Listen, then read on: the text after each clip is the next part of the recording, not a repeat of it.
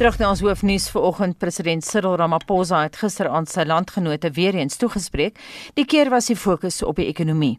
Vir hulle reaksie daarop praat ons nou met Chris Harmse, hoofekonoom by die Rebalance Fonds bestuurders. Goeiemôre Chris. Môre Anita, môre luisteraars.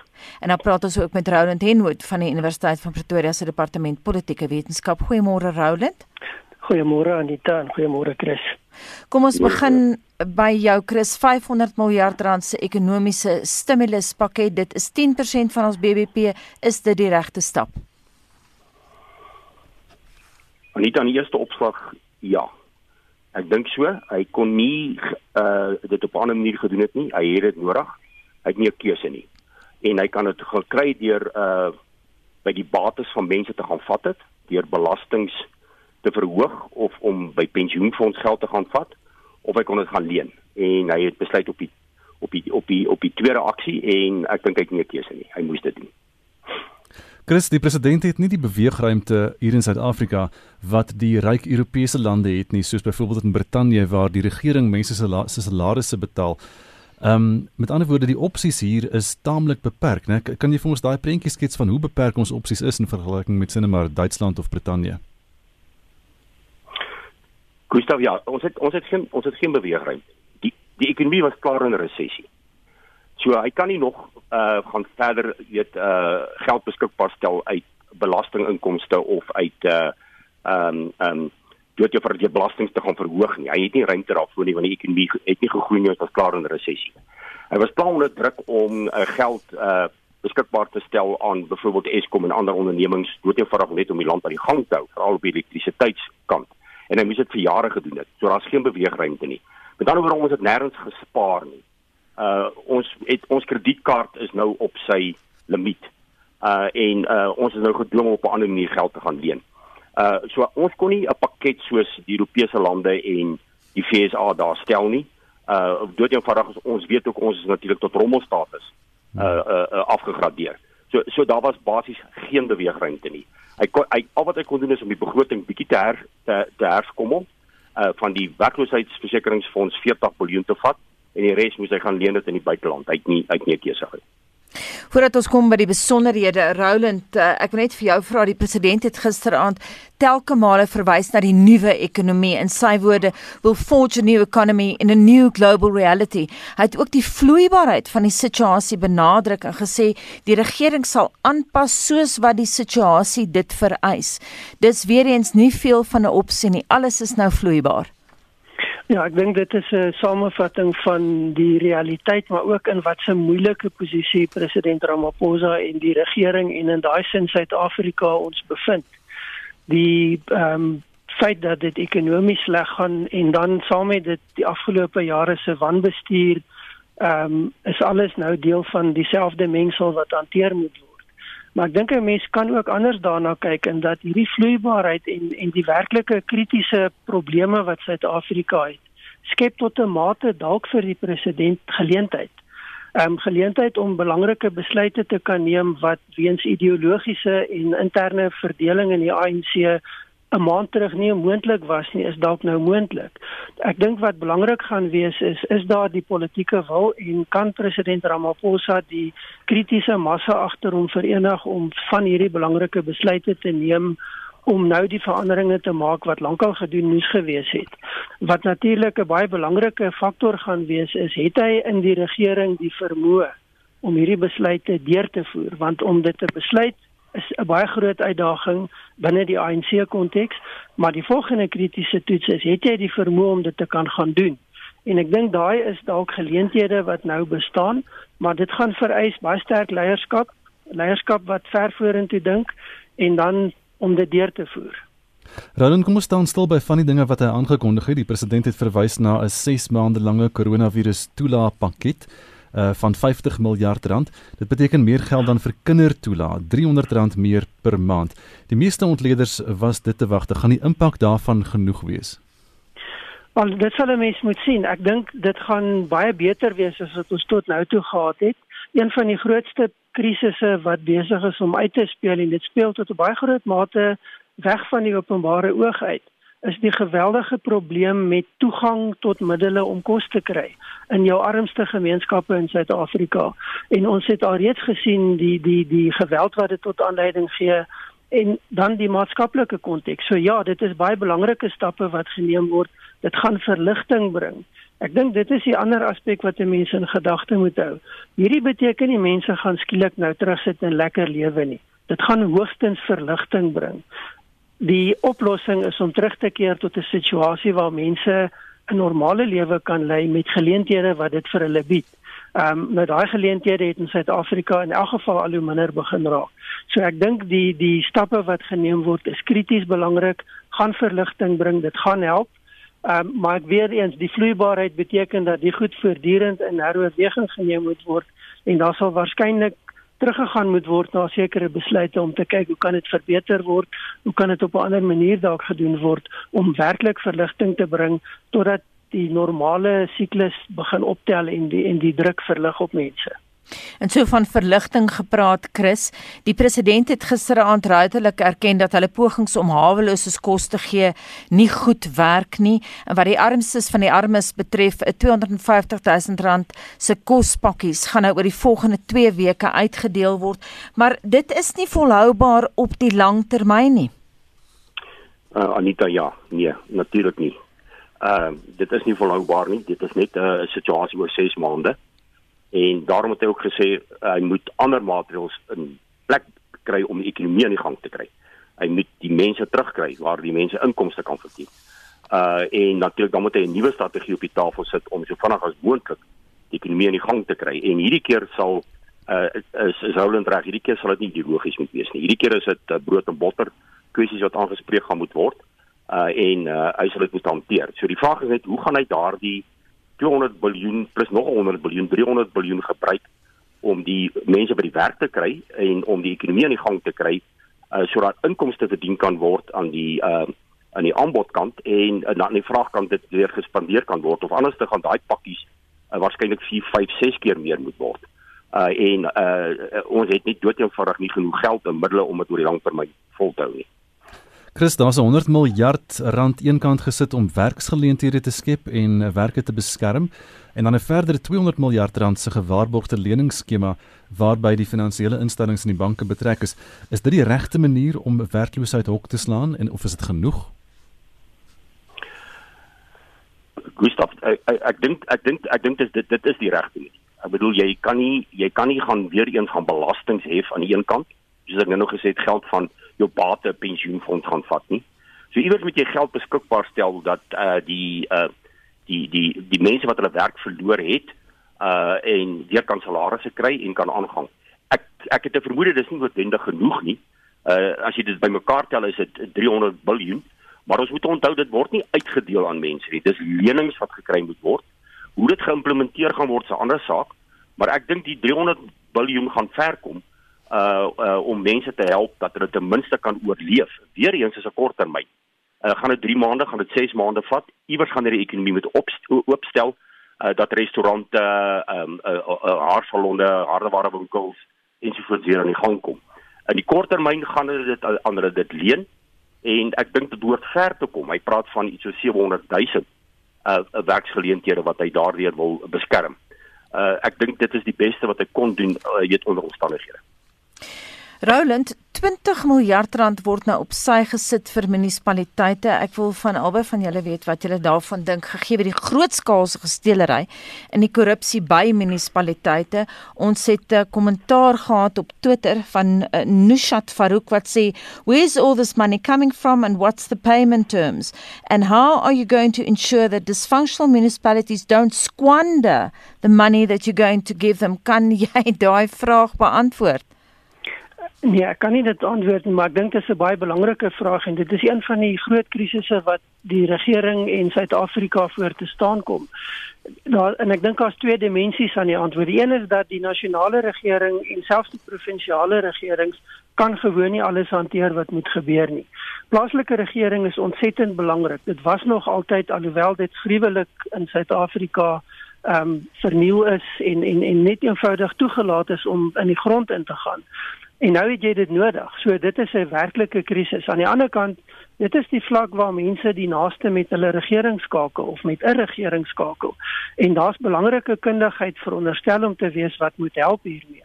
Die probleem is ons het nie daai kundigheid ontwikkel nie, ons het dit nie in stand gehou waar dit was nie en dit word 'n bron van groot kommer want dit is een van die grootste bronne van ehm um, groot diefstal en en en korrupsie in Suid-Afrika. So dis 'n baie groot leemte in hierdie proses. Ek dink 'n ander fout wat gemaak is is alhoewel president Ramaphosa aanvanklik baie sterk klem gelê het op die bou van 'n soort koalisie oppositiepartye ingetrek en met allerlei mense gesprek gevoer het, word die gesprek nou gevoer op 'n te hoë vlak met te min rolspelers en waarskynlik belangrik sou wees om nou op die plaaslike vlak uit te reik en werklik met mense wat op die grond werk jou jou nie regeringsorganisasies veral ehm um, jou kerkorganisasies allerhande maatskaplike rolspelers om met hierdie mense baie sterker nie net vennootskap te hê maar samewerkingsverhouding. Want dit is waarskynlik die mense wat meer effektief op die grondvlak gaan wees en hierdie hulp kan gee. Ongelukkig sien ons reeds stories wat kom van munisipale munisipale konteks waar amptenare en en en amptbekleders misbruik maak van hulle posisie. En dan moet ons eerlik wees, 'n groot klomp van daai mense het eenvoudig nie die vermoë of die kundigheid om hierdie werk te doen nie. So dis 'n groot leemte en dis 'n groot uitdaging in die volgende paar maande. Chris aan die ander kant kan ons nie bekostig om meer geld te mors nie. Dink jy daai 20 miljard rand se besteding deur munisipaliteite sal baie nou gemonitor word deur die regering? Anita, ja, dit sal moet basies op 'n daaglikse basis. Uh, ek weet nie hoe die proses gaan werk nie, hoe dit gaan dit geaudit word nie, hoe gaan dit ehm uh, uh jy nagevolg word dat dit by die regte plekke uitkom. Uh en en, en dit is 'n enorme logistieke taak wat voor lê en ek stem saam met Roland. Ek is nie so seker of die munisipaliteite want onthou hierdie ding moet onmiddellik plaasvind. Dit moet plaasvind soos in vanaf môre. Uh uh of kom ons sê so vanaf die einde van die maand. Uh en en en, en of ons 'n logistieke vermoë het is te betwyfel. So hoe dit gehanteer gaan word uh en geïmplementeer word uh is dink ek is 'n nagmerrie uh en daar gaan baie daar gaan baie kritiek kom. Uh en natuurlik uh, ek dink dit gaan uh, dit dit gaan miskien nie uh bereik wat dit wil bereik nie, maar dit is nie net daai 20 miljard nie. Ek dink dis die ander ook. Uh die die die ander maniere ook. Ek bedoel hulle klaar hoe hoe hulle gesukkel net om die ou mense pensioen uit te betaal. Die Rusasa mense het het, het, het kilometers in toue gestaan. Hoe gaan hulle daai 350 rand aan aan die aan die ander meer 'n hele paar miljoen mense uitbetaal wat glad nie werk het nie? dat hoe hulle daai logistieke nagmerrie hanteer. Ehm um, uh, hoe gaan jy bewys dat jy kry nie geld uit 'n uit 'n ander uit 'n uit 'n ander uit 'n ander bron alreeds nie. Wat se korrupsie gaan daar wees om daardie ehm um, geld uh, ook daai ander 50 miljard ook korrek te versprei sodat die mense wat werklik nie geld het, dit in die hande kry. So ons praat eintlik hier van 'n 70 miljard ehm um, implementeringsnagmerrie wat die logistieke nagmerrie wat die regering hou. Kom ons bly vir 'n oomblik by hierdie korrupsie storie. Die IFP se woordvoerder, Mkoleko Hlengwa, sê hulle is besorg oor die moontlikheid dat grootskaalse korrupsie nou gaan plaasvind, want hier is nou geleentheid daarvoor, daar's nou geld in die pot. Kom ons luister na wat hy gesê het. And we remain concerned as the IFP about the elements of corruption uh, which have characterized South Africa's financial management for the longest of time. And clearly, if this money is not managed well, um, corruption will become a, a permanent feature. So the IFP, in that respect, is calling on Parliament to ensure that it ramps up and beefs up its own oversight capabilities to ensure that checks and balances are put in place. So duidelik vertrou die politici nie mekaar nie. Roland, wat is jou kommentaar vir almal die afwesigheid van die parlement half so die, die laaste paar weke? Ja, ek dink dit is een van die ander belangrike punte en dit is waarskynlik 'n baie groot fout um, om die parlement nie aktief in die proses te gehad het nie.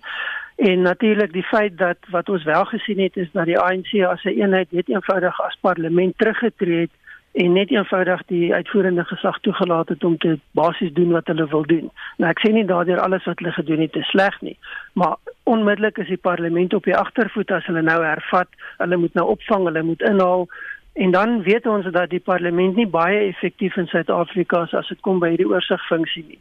En ons sit met groot um, uitdagings in onbekende omstandighede, moeilike omstandighede, so dit gaan moeilik wees.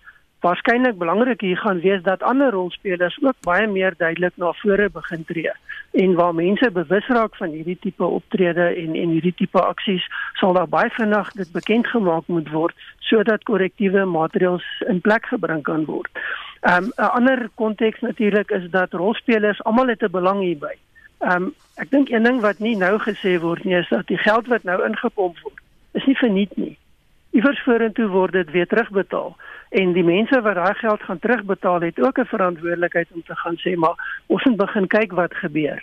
Wat dit natuurlik moeilik maak is die feit dat jy ingeperk is. So jy kan nie oral rondbeweeg en sien wat gebeur nie en dit natuurlik maak dit in 'n sin makliker vir die misbruike wat ons reeds gesien het om plaas te vind. So dis 'n moeilike omstandigheid. Ehm um, daar gaan op 'n baie kreatiewe manier gekyk moet word na hoe dit beheer kan word. En en dan natuurlik die onderliggende is Dis nie te sê alles wat gebeur is korrup, alles wat gebeur is sleg nie. Maar dit is een van die groot leemtes in hierdie proses wat wat baie fyn nagekyk sal moet word. Roland, jy praat van die effektiwiteit van die parlement. Daar's ook die effektiwiteit dan van die uitvoerende gesag om nou hierdie geld uh en en hierdie maatreëls toe te pas. Dink jy as jy nou dink aan president Cyril Ramaphosa, die politikus en strateeg wat hy nou is en soos jy hom nou ken, Dink jy hy gebruik hierdie krisis op 'n manier um, om ek weet nie om sy eie ministers bietjie tou te gee om hulle self op te hang byvoorbeeld? Ek weet nie of hy dit gebruik en of dit sy aard is om mense te so op so 'n manier toe te laat nie want dit tel teen hom ook op jou end.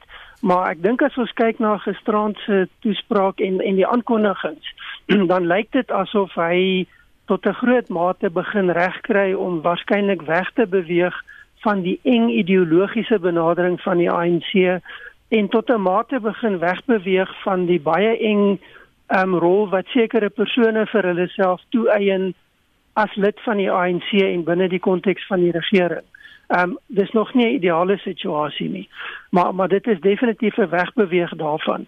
In die volgende paar dae wanneer meer details bekend word, sal ons moet begin kyk na die bevestiging hiervan om nou te sê ons gaan geld kry by die Wêreldbank en die IMF is goed en wel.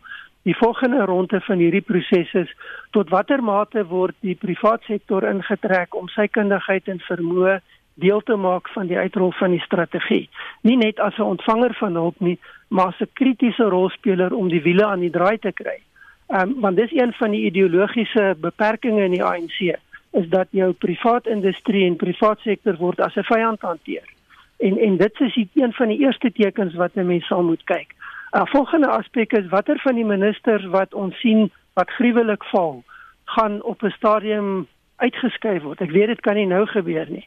Ehm um, tot watter mate gaan die sentrale klem verskuif na die minister van finansies, die reservebank en die fiskus, weg van die sekuriteitsgedrewe en baie hardhandige rolspelers wat nou lyk asof hulle eintlik die grootste sê in die proses het.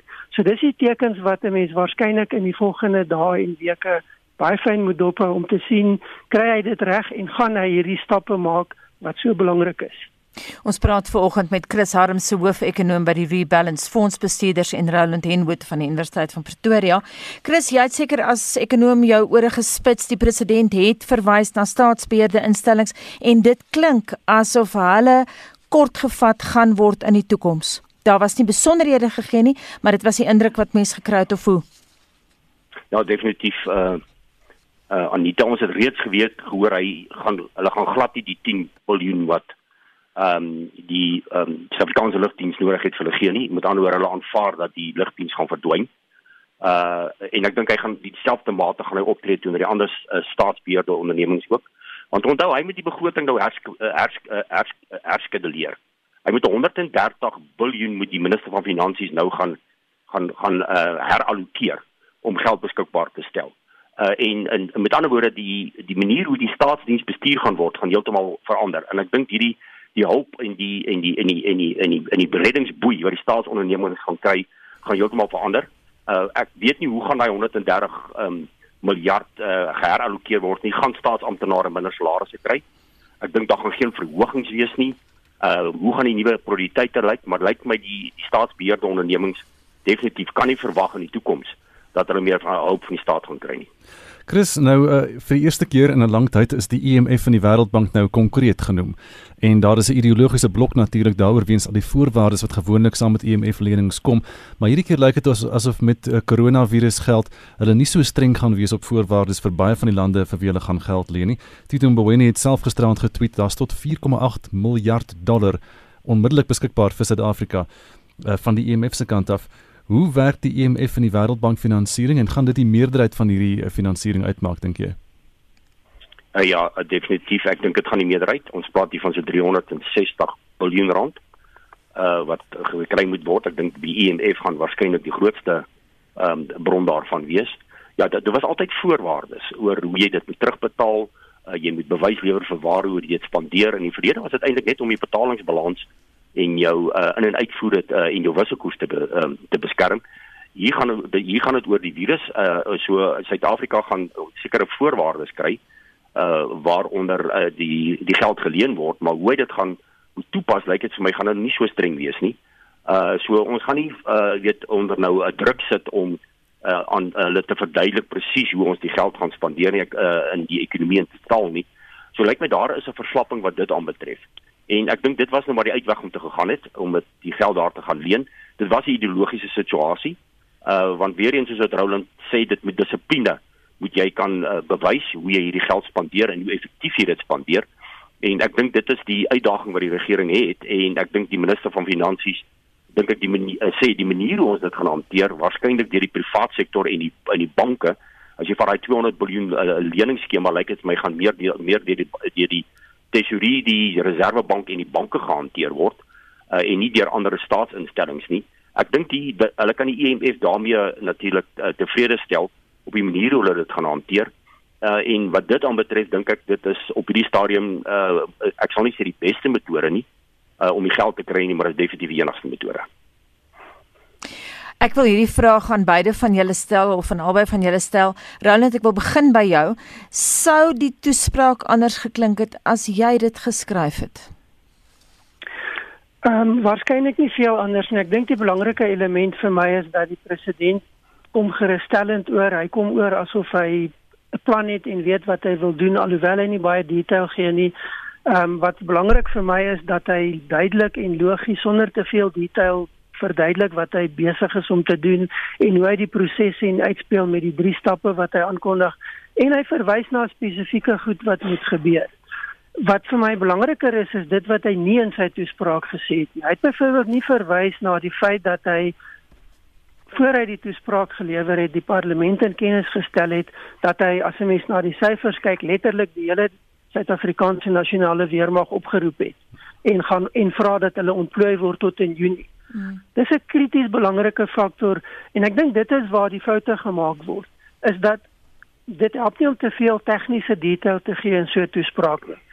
Maar daar sekerre goed wat mense moet weet en wat die president dalk meer moet doen is om so 'n bietjie die sluier te lig en mense in te lig oor wat kan hulle verwag. Nie wat is die groot plan nie, maar wat kan ek verwag van vandag tot môre tot volgende week?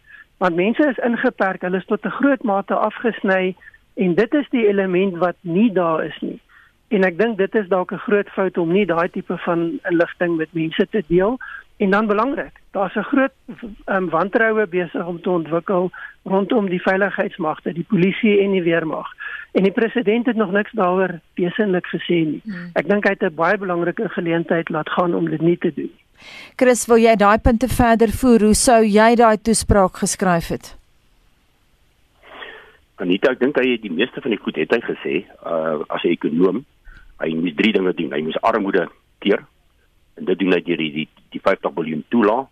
Hy moet aan die vraagkant van die ekonomie moet hy uh, iets gedoen het deur uh besteding aan te wakker en dit gaan hy nou doen deur die sosiale toelaat uh, en ook aan die munisipaliteite se geld in omloop en derde hy moet die aanbodkant iets doen om te sorg dat uh, mense kan salarisse kry, maatskappye kan geld kry vir operasionele koste en uh ook ook ook betalings aan die ehm um, aan die aan die aan die uh, uh, um sogenaamde supply chain.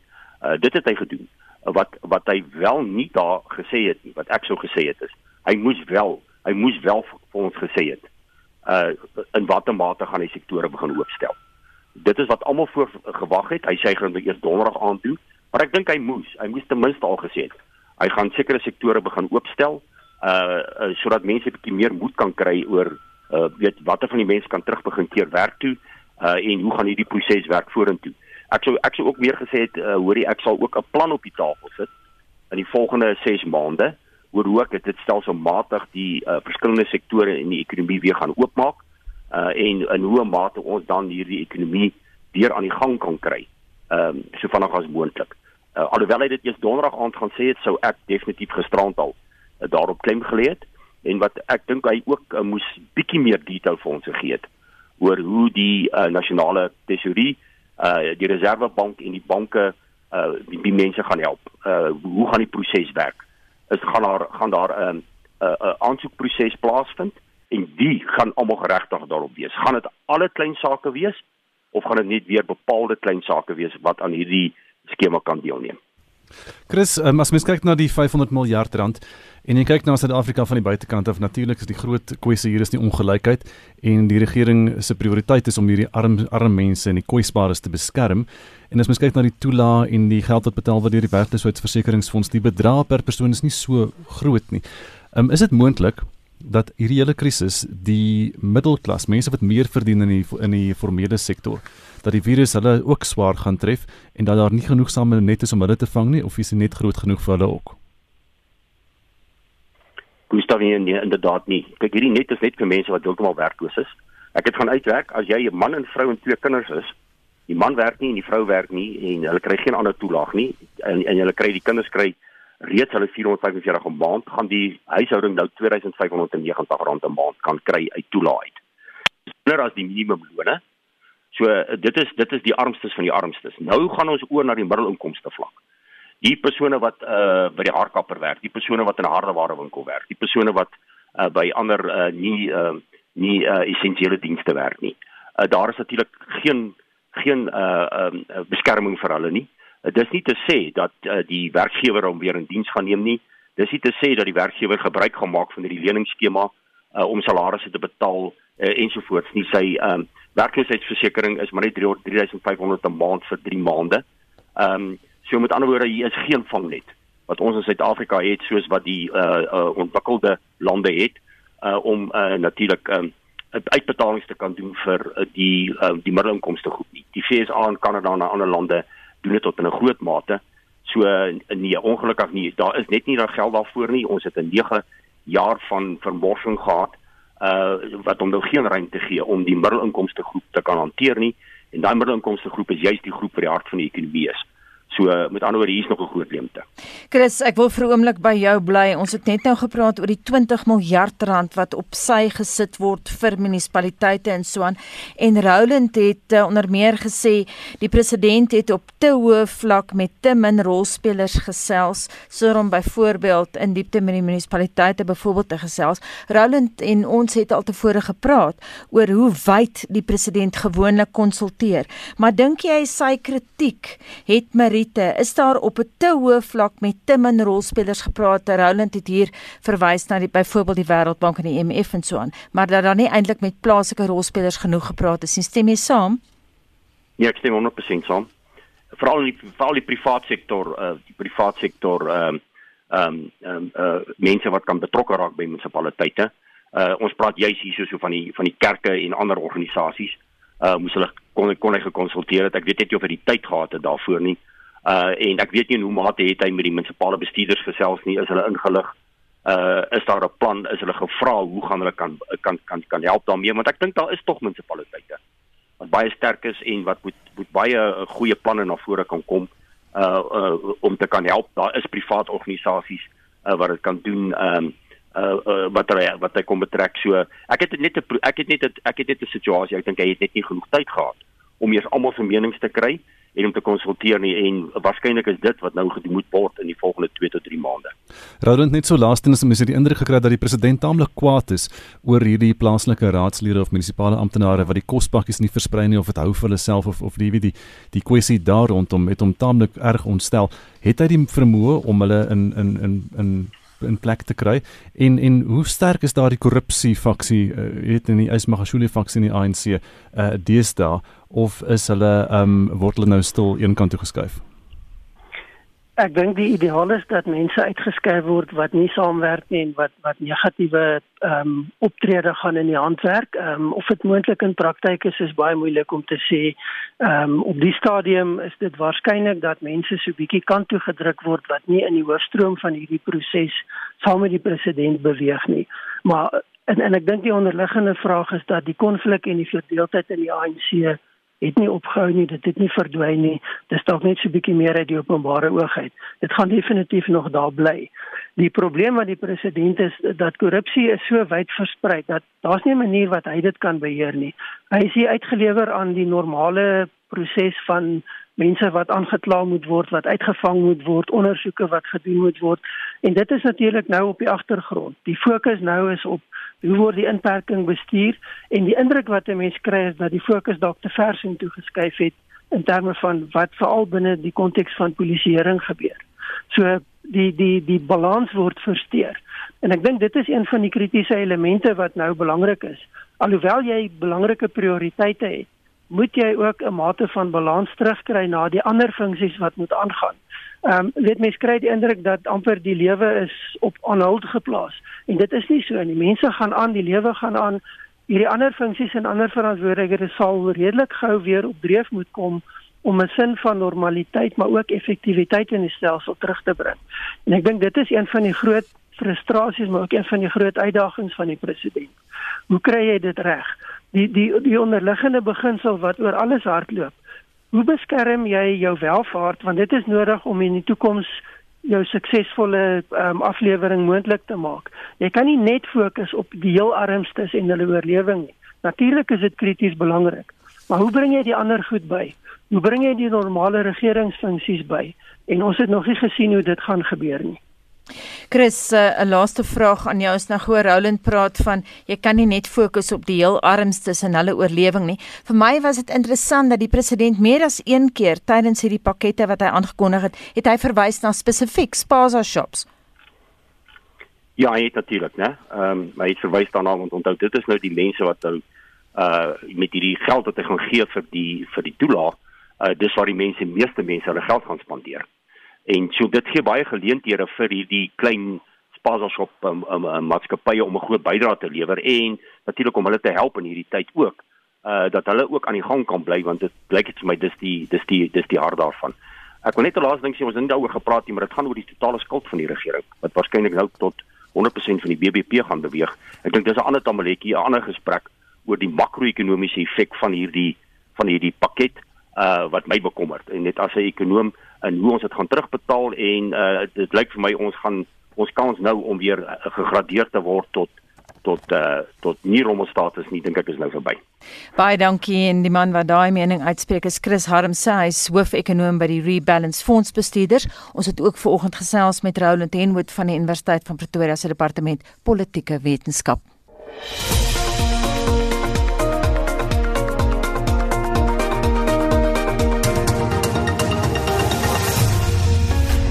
Dis nou 17 minute voor 8 en ons gaan voort met Monitor op RSG. Die Wêreldvoedselprogram waarsku dat 'n hongersnoodpandemie minstens 30 miljoen lewens kan eis in die nabye toekoms.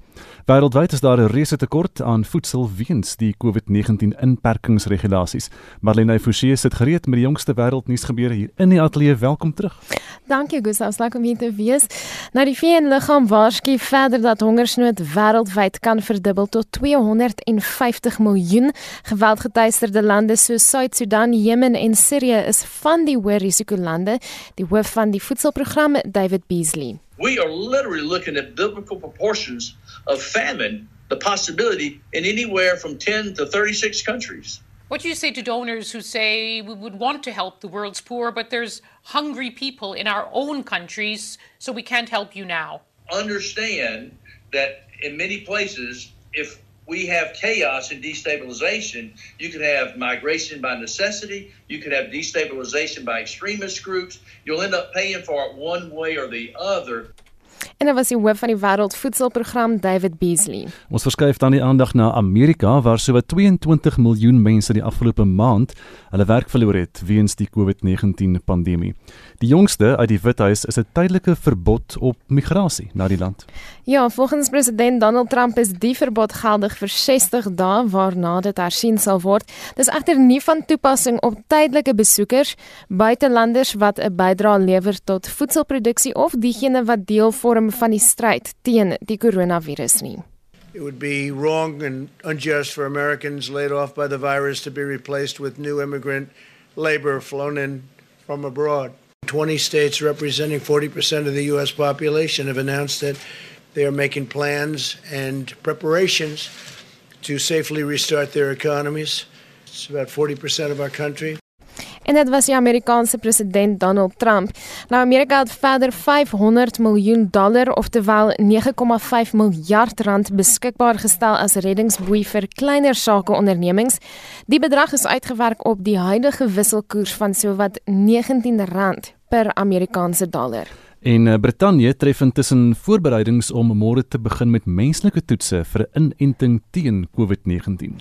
Die Britse minister van Gesondheid, Matt Hancock, het die aankondiging gemaak. In normal times, reaching this stage would take years.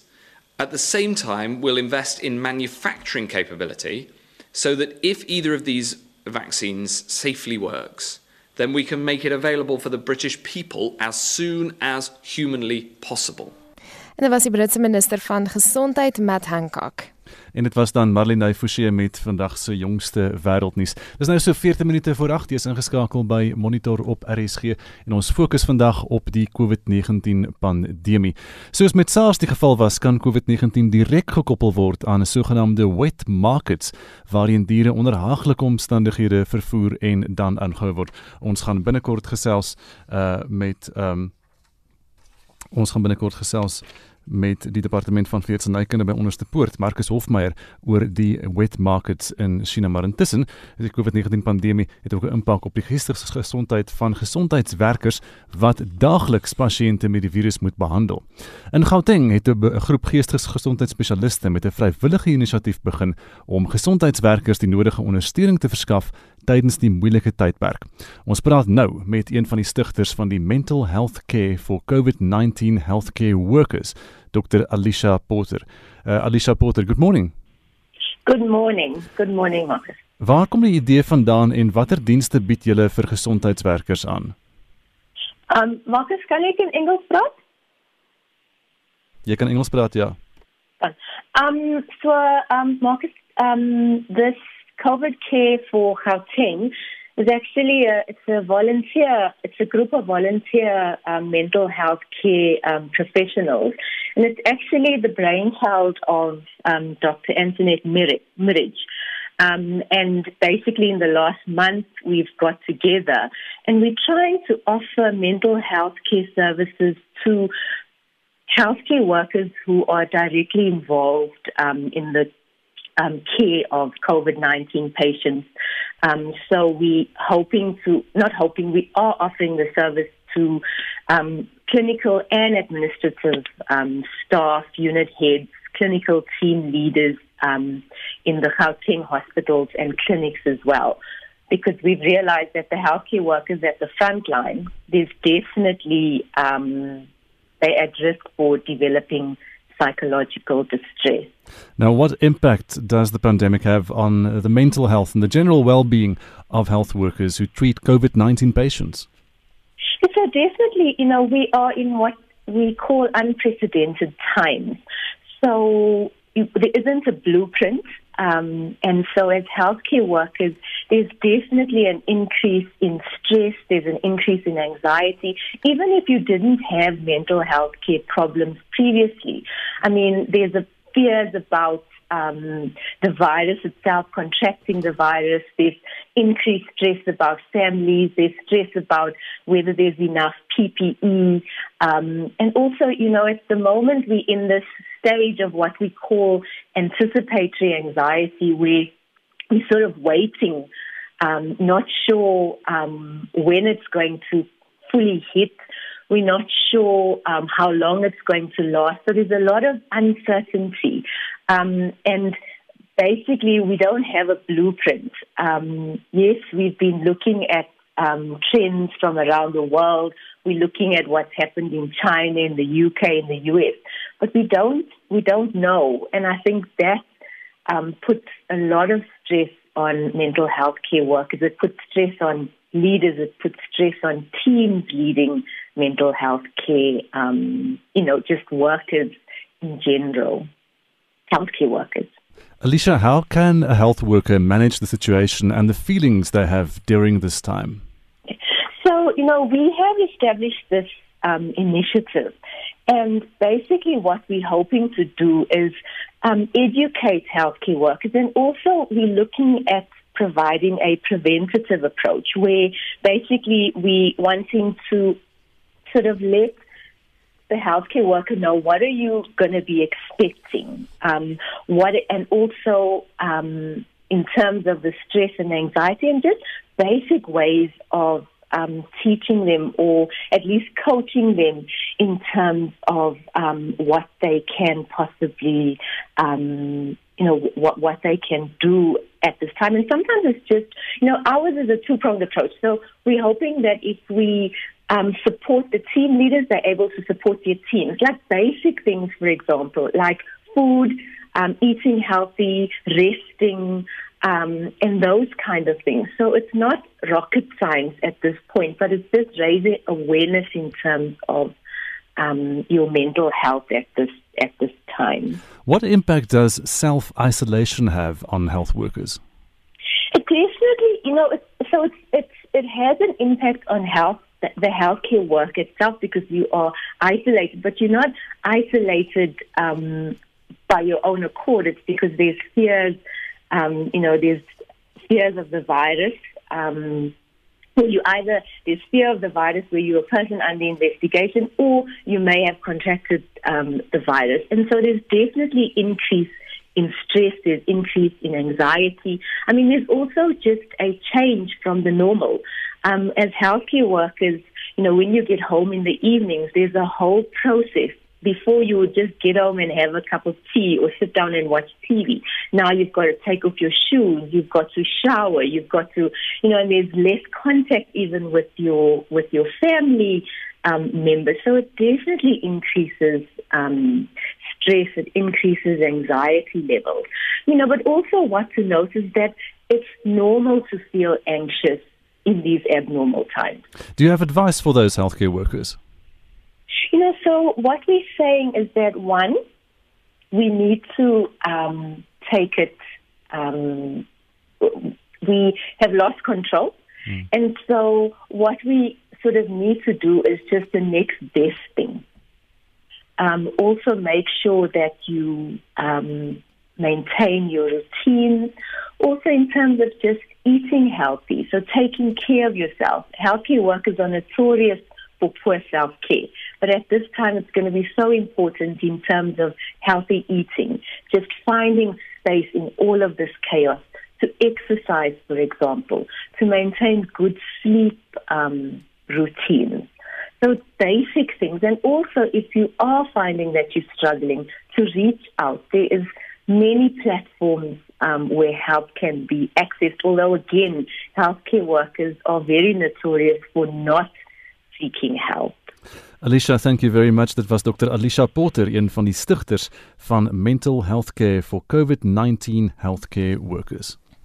Die nasionale oesskattingskomitee voorspel voorlopige mielieoes van minstens 14,8 miljoen ton. Graan SA se bestuurder van graanekonomie en bemarking, Dr Dirk Strydom, sê die inperkingstydperk gaan egter 'n negatiewe impak op die indiensneming van seisonale werkers hê. Ons berus ons maar op die nasionale oeskattingskomitee se syfers en hulle verwag tans met die vorige skatting verwag hulle 14.8 miljoen ton. Die nuwe skatting sal nou volgende week wees, dan sal ons sien of daar enige veranderinge is. Maar dit is natuurlik 'n baie positiewer produksiesyfer as die vorige seisoen. Die vorige seisoen was so 11.2 miljoen ton gewees. En is daar enige faktore wat dit beïnvloed het? Die produsente is eerstens baie dankbaar dat ons vir 'n slag 'n goeie produksieseisoen kon gehad het waar ons baie gesukkel het in die vorige seisoene.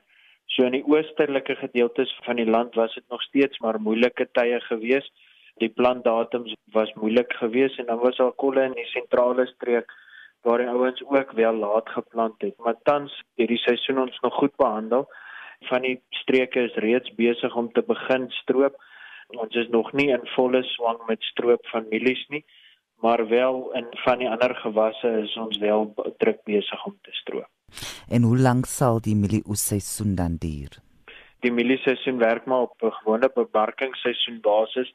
Ons begin gewoonlik in Junie, Julie begin die bulk van die mielies inkom en dan begin dit van daar af bemark word op 'n jaargrondslag. So ons is in die produksiefase nou en binnekort gaan ons in die stroop kom. Nou, hoe verloop die oestyd vir sonneblomme en ook nou grondbone? Dit vorder goed. Daar's wel hier en daar waar reën so bietjie terughou, waar dit in sekere van die gebiede begin reën het en waar dit eers moet moes gestop het. Maar van hier af gaan dit eintlik nog goed. Ons sal nou maar sien hoe lyk die opbrengste die oomblik wanneer die produsente leweringssyfers op Salge se webblad kom. Hoe gaan boere nou sosiale distansiering tydens die oestyd toepas om te verhoed dat COVID-19 dalk versprei word? Vir die graanbedryf is dit 'n belangrike een. Ons het al baie goed gevorder in terme van mekanisasie. So die mekanisasie maak dat dit baie minder hande arbeid is en en baie minder arbeidsintensief is. Die groot uitdaging gaan maar natuurlik om seker te maak dat al jou werkers veilig is, dat hulle daar waar hulle wel naby aan mekaar beweeg, veilig is, daar waar hulle binne in toerusting werk, dat dit gereeld weer oorgespuit word aan die binnekant in term van van jou normale desinfeksie middels wat ons gebruik op die normale bedrywighede probeer die produsente maar soveel as moontlik laat die werkers nie binne in 'n sekere radius van mekaar is en 'n kompakte omgewings is nie. Die grootste uitdaging gaan nie so seer op die werf self nie, maar met daar waar werkers nie op plaas bly nie en waar daar van vervoer moet gebruik gemaak word. Dis waar die grootste uitdaging tans is. Watter impak het die inperkingsmaatreëls op seisonale werkers? Ja, op seisonale werkers het dit 'n baie groot impak omdat die getalle faktor 'n groot probleem is, beteken dit en soos ek genoem het, die vervoer ook beteken dit produsente probeer kyk hoe effektief kan hulle arbeid gebruik en watter effektiewe getalle ook. Dit beteken dat daar outomaties dalk 'n daling bietjie in die vraag is na arbeid. Maar produsente bestuur dit baie goed en ons maak seker dat ons nog steeds die arbeidsmag kan gebruik wat nodig is.